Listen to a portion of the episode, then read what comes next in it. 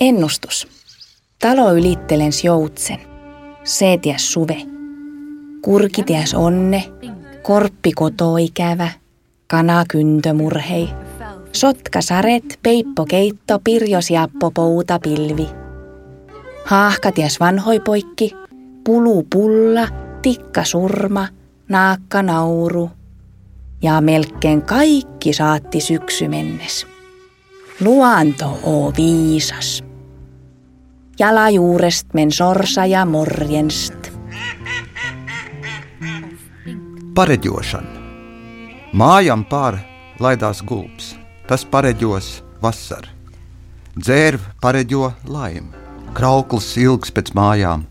Vist nedēļas ar aršanu, dūdiemiņu, liet, žubīt zup, mušķērais sausumu.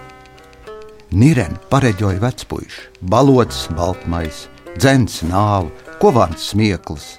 Gandrīz viss pareģoja rudeni. Dā bija gudrs, man pa kājām pinas pīli un sveicina mani.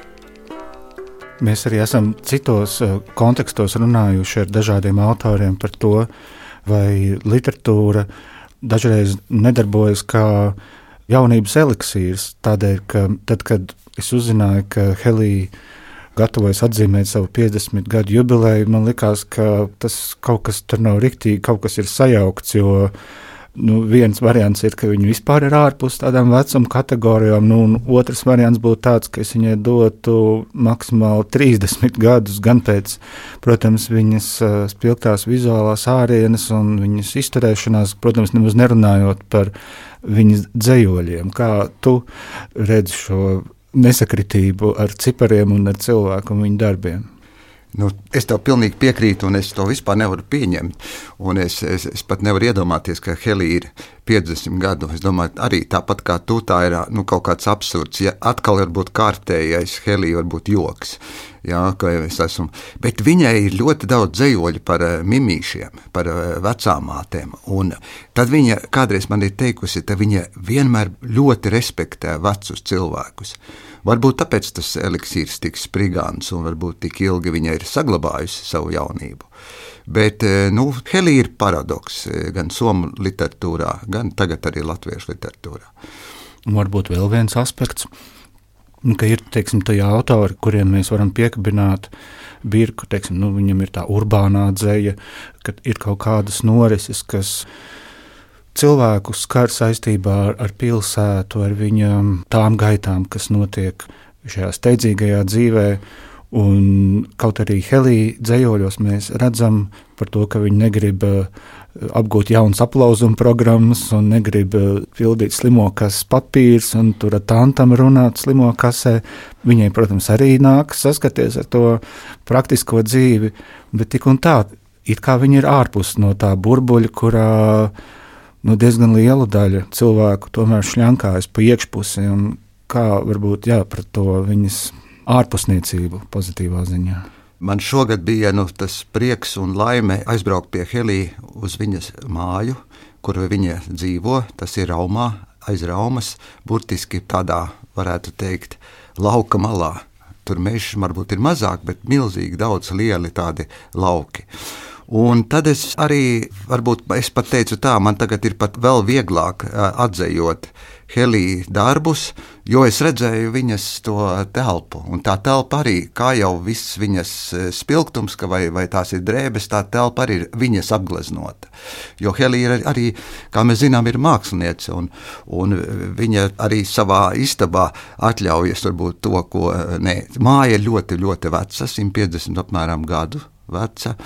Un, e, tur ir e, viskaut kādi tādi elementi. Tur mūs sagaidīja divi no metāla izgriezti, izgriezti alņi ja, ko atkal Helija Helī dzīves draugs eh, Mīka, kas ir fotogrāfs, arī tā, tas to arī veicis un izdarījis. Bet eh, tev ir taisnība, nu, Helija vairās, izvairās no šīs pilsētas dzīves. Viņai lauki patiesi ir nu, tas viņas, tā viņas būtība, jo šogad viņa arī pabeidza studijas, un tās studijas, varētu teikt, tā meža gids.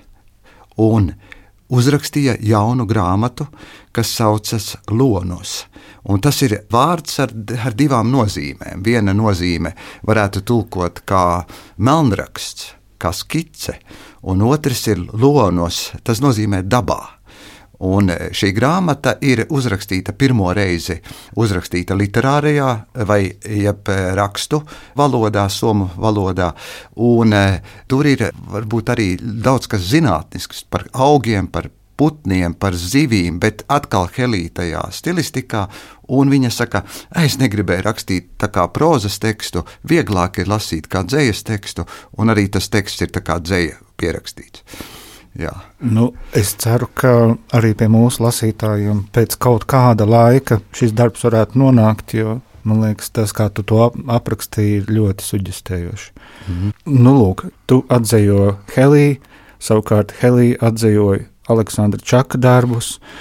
Ja nemaldos, tad, kad mēs ar tevi runājām šī krājuma iznākšanas laikā, tad eh, tā faktiski ir pirmā reize, kad Čaka dzēja ir somu valodā, nu, jebkurā gadījumā, vismaz grāmatas formātā noteikti, nu, varbūt, ja neskaita kādus mazus izdevumus vai periodiku. Un saistībā ar šo grāmatu ir kāds ļoti patīkams notikums. Jā. Tātad tas ir projekts, kurā ir grāmata Aleksandrs Čaks un Helija Laksonena, varētu teikt, dialogs dzējā. Ir divas grāmatas. Viena ir somiski, somu valodā, un otra ir latviešu valodā.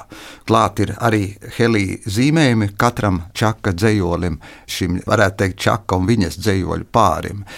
Un jā, Helija saņēma pavisam nesen ļoti prestižu balvu Un tā balva, tā ir dzīslas balva, kas iedibināta 1994. gadā.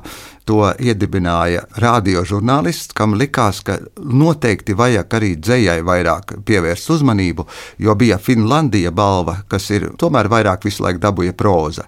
Un viņš radīja balvu, kas saucās Stanciva Karhu Palkinto, tas ir dejojošā lāča balva. Un Tātad par dzīslu grāmatu un par atzīves grāmatu. Un Helija saņēma tieši šo könes vai kēntejā, palkinto kēntejā karhu Alkinto. Un tas ir nozīmē tulkotāju lāča balvu. Un tas ir par 15 čaka atzējotiem dzējoļiem literārajā valodā. Konkurence bija liela, 16 grāmatas, tā izskaitā vēl viena čaka grāmata, ko bija atzējojusi Mirija Hovila.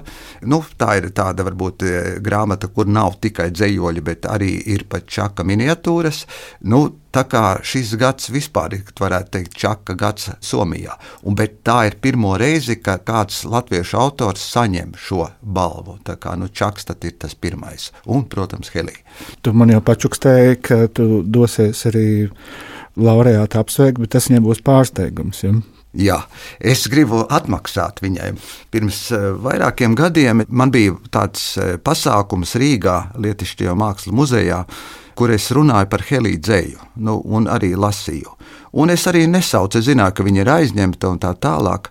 Un tā, apmēram nu, trīs stundas pirms pasākuma Helija man piezvana un saka, es esmu žirafu mājā, es esmu Latvijas zooloģiskajā dārzā.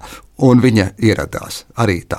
Un tad es tagad eh, arī, protams, neteicu, ka es būšu, bet es pārsteigšu Heliju, jo viņas dzimšanas dienas vai teiksim, šīs jubilejas tāda nu, atzīmēšana notiks Turku teātrī kur arī, protams, viņa uzstāsies. Jā, es laikam neko citu nevaru uzdāvināt Helī kā pārsteigumu.